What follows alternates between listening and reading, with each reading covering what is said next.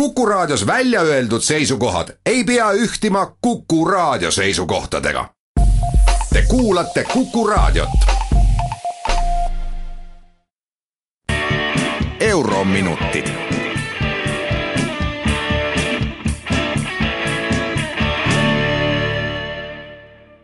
tere päevast, kallid Kuku Raadio kuulajad. eetris on Eurominutid ja Kersti Kaljulaid käes on sügis ja sügisele sobivalt räägin täna uue hooaja alustuseks õuntest. täpsemalt siis ettevõttest nimega Apple.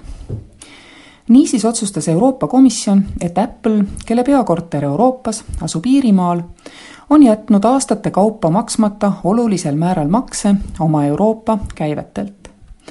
Euroopa Komisjoni arvestus näitab, kui oluliselt on võimalik ühes liikmesriigis teatud kokkuleppeid sõlmides ja kogu tulu sinna koondades raha kokku hoida. nõue on kolmteist miljardit, aga seni on Apple maksnud vaid kolmsada nelikümmend neli miljonit viimase kümne aasta jooksul ehk umbes kolmkümmend viis miljonit eurot aastas oma Euroopa Liidu käivetelt, välja arvatud Iirimaa. Iirimaal on Apple samas näiteks eelmisel aastal ainuüksi tasunud nelisada miljonit eurot. samas on selge, et Apple'i käive Iirimaal ei saa kuidagi ületada sisemaise tarbimise juures kümme korda kogu muu Euroopa Apple'i toodete tarbimist. Iirimaal elab lõppude lõpuks vaid sajandik Euroopa Liidu rahvastikust. Euroopa Komisjoni volinik Vestager on eraldi rõhutanud, et tegemist ei ole mingi trahviga Apple'ile. see ongi lihtsalt maksmata maksude summa vastavalt Euroopa Komisjoni hinnangule komisjon leiab, et Apple on maksnud vaid viis tuhandikku protsenti, null koma null null viis protsenti oma vajalikest maksudest viimasel dekaadil. Eestist vaadates võib see tunduda ebaoluline, et mingi suurfirma peab ära maksma kolmteist miljardit eurot oma varasema maksuskeemitamise eest. tegelikult on Apple'i juhtum palju olulisem, kui esialgu paistab. esiteks, kuna tegemist on väga suure organisatsiooniga, siis küsivad paljud, kuidas niimoodi ikkagi juhtus võrreldes Google'i juhtumiga, mis küll puudutas konkurentsi piiramist ja mitte makse, olla Apple ise suhtunud kogu maksujuurdlusesse suhteliselt üleolevalt. Nad ei ole olulisel tasemel viitsinud isegi Brüsselisse kohale minna ja selle asemel on suheldud videokonverentside vahendusel. Brüsselis olevat lobitööl Apple'i palgal väidetavasti vaid kaks ja pool inimest. lisaks kurdavad Euroopa Parlamendi liikmed, et nad ei saa Apple'i käest mitte midagi muud peale mõningaste väikeste kingituste, aga kindlasti mitte selgitusi selle kohta, kuidas Apple on käitunud ja milline võiks olla Euroopa maksukeskkond, kus neil oleks tore toimetada. selleks muidugi peab olema Brüsselis liiga kaua elanud ajakirjanik, nagu poliitiku omad seda ilmselt on, et imestada kuidas ettevõte, mida tuntakse just tema suurepärase juhtimise järgi, ei oska ometigi üldse suhelda Euroopa Liidu regulaatoritega kuidas ikkagi oli võimalik niimoodi maha magada oma võimalused vähendada riske enne, kui komisjon oma maksuotsuse välja kuulutas? ilmselt siiski normaalne rahvusvaheline ettevõte eeldab, et kui ta suhtleb riikide regulaatoritega, siis sellest peaks piisama. lõppude lõpuks peab ka Apple'i raha sisse nõudma ikkagi Iiri maksuamet, mitte Euroopa Komisjon. ja kindlasti on seal veel manööverdamise ruumi teine arutelu, mis on selle juhtumi valguses lahti läinud, on miski, mida ma päris ammu olen oodanud. sellised otsused, nagu ka riigiabi otsused, on liikmesriikidele täitmiseks sisuliselt kohustuslikud. jah, võib kohtusse minna ja vaielda, aga enne tuleb täita, mis põhjustab kahju juba ära ja muudab kohtus käimise tihti üsna ebamõistlikuks. ka Eesti otsustas mitte minna Estoniani eriasjus kohtusse seega on sisuliselt teatud asjades Euroopa Komisjoni kätte läinud sisuliselt õiguse mõistmine. samamoodi kirjutab komisjon ise välja raha tagasinõuded abikõlbmatutelt projektidelt, asudes sealgi kohtumõistja rolli. see on minu jaoks olnud alati üks kummalisemaid sätteid Euroopa lepingutes ja on ainult hea, kui neil teemadel Apple'i juhtumi valguses taas veidi filosofeeritakse. ja ehk mõeldakse välja mingi esialgne õiguskaitse variant neile, kes siiski sooviksid kohtust õigust otsides kontrollida komisjoni otsuste asjakohasust. kolmas teema, mis Apple'i juhtumist jõudu saab, on üldine maksuostlemise tava Euroopa Liidus. volinik Pierre Moscovici on kuulutanud, et sellest otsusest algab Euroopas uus ajastu. piirideülene sobivama maksukeskkonna ostmine liikmesriikide vahel peaks nüüdsest tema hinnangul ära lõppema. Prantsusmaale oleks see suur kergendus. Teatavasti ei ole Prantsusmaa ei madalate maksudega ega ka mitte lihtsalt arusaadava maksusüsteemiga riigi musternäidis. Iirimaa maksusüsteem on seni just meelitanud paljusid ettevõtteid oma peakortereid ja maksuaadressi Dublinis hoidma. iirlased väidavad, et nende mudel on täiesti legaalne. nii võib ka olla aga igatahes on Iirimaa valitsus otsustamas, kas vaidlustada ise kohtus see komisjoni otsus või mitte seda teha.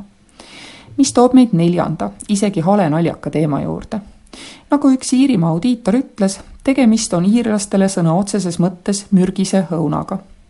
kolmteist miljardit täiendavat maksutulu kõlab nagu aastane tervishoiueelarve oleks maast leitud aga tegelikult, kui see otsus kehtima jääb ja Iirimaa selle raha sisse nõuab, kaotab Iirimaa majandus suure tüki oma konkurentsieelisest. Sellepärast võibki juhtuda, et Iirimaa valitsus hakkab kohtus hagema iseenda õiguse vastu kasseerida Apple'ist sisse kolmteist miljardit maksutulu. Maksumaksjatele on selline asi pehmelt öeldes raskesti selgitatav, kui Iirimaa valitsus tõesti otsustab niisuguse kohtuskäigu peale raha kulutada opositsioon üritab muidugi valitsuse absurdset olukorda ära kasutada, kuid tõsiasi on, et Iirimaa kasvuallikatest on midagi olulist selle otsusega igaveseks kokku kuivanud, isegi kui õnnestub maksukohustust lõpuks vähendada.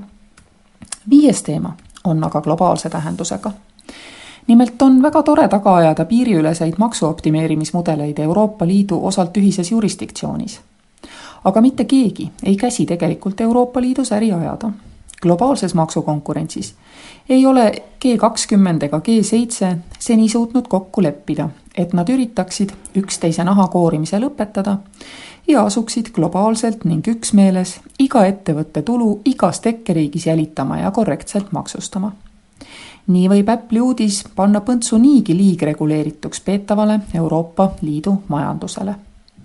Tegelikult ei ole maailma muud maksupiirkonnad kindla peale vähem bürokraatlikud aga kuna maailma kõik suurriigid kunagi ühist e-maksuametit ei asuta, siis ei olegi see suurtele kontsernidele oluline. suurtel firmadel on juriste palju, kes võivad säästetud miljardite nimel mis tahes bürokraatiaga toimetada. isegi parem on, mida rohkem ja keerukam, seda vähem on lootust, et keegi saab pärast väita, et pahauskselt on makse kuskil maksmata jäetud isegi kui Euroopa Liit teeb sisemiselt kõik selgeks kas või maksude ühtlustamisega, mida föderalistid ammu soovitavad, ei lahenda see globaalse konkurentsivõime probleeme, kuigi ühtlustaks liidu sisest konkurentsikeskkonda.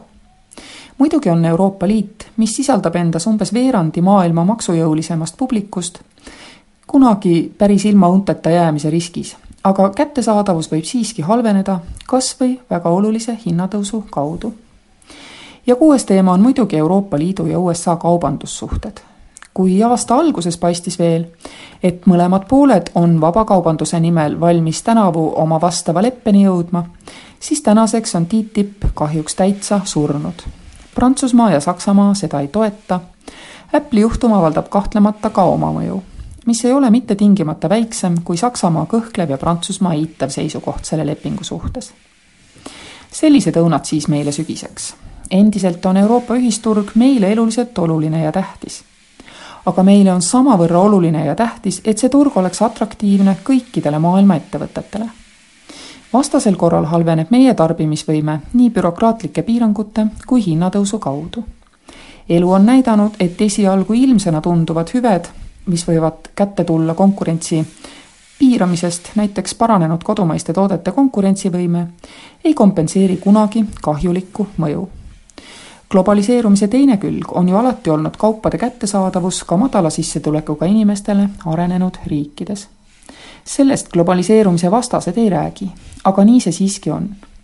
kas keegi kujutab ette, et odav ja kodumaine valge klaar, nii maitsev kui ta ka pole, võiks asendada meile õunapildiga digividinaid? augustises vananaiste suves võib niimoodi ju tundudagi, aga pimedas novembriöös paistaksid asjad päris kindlasti teisiti Kuulmiseni jälle järgmisel nädalal. eurominutid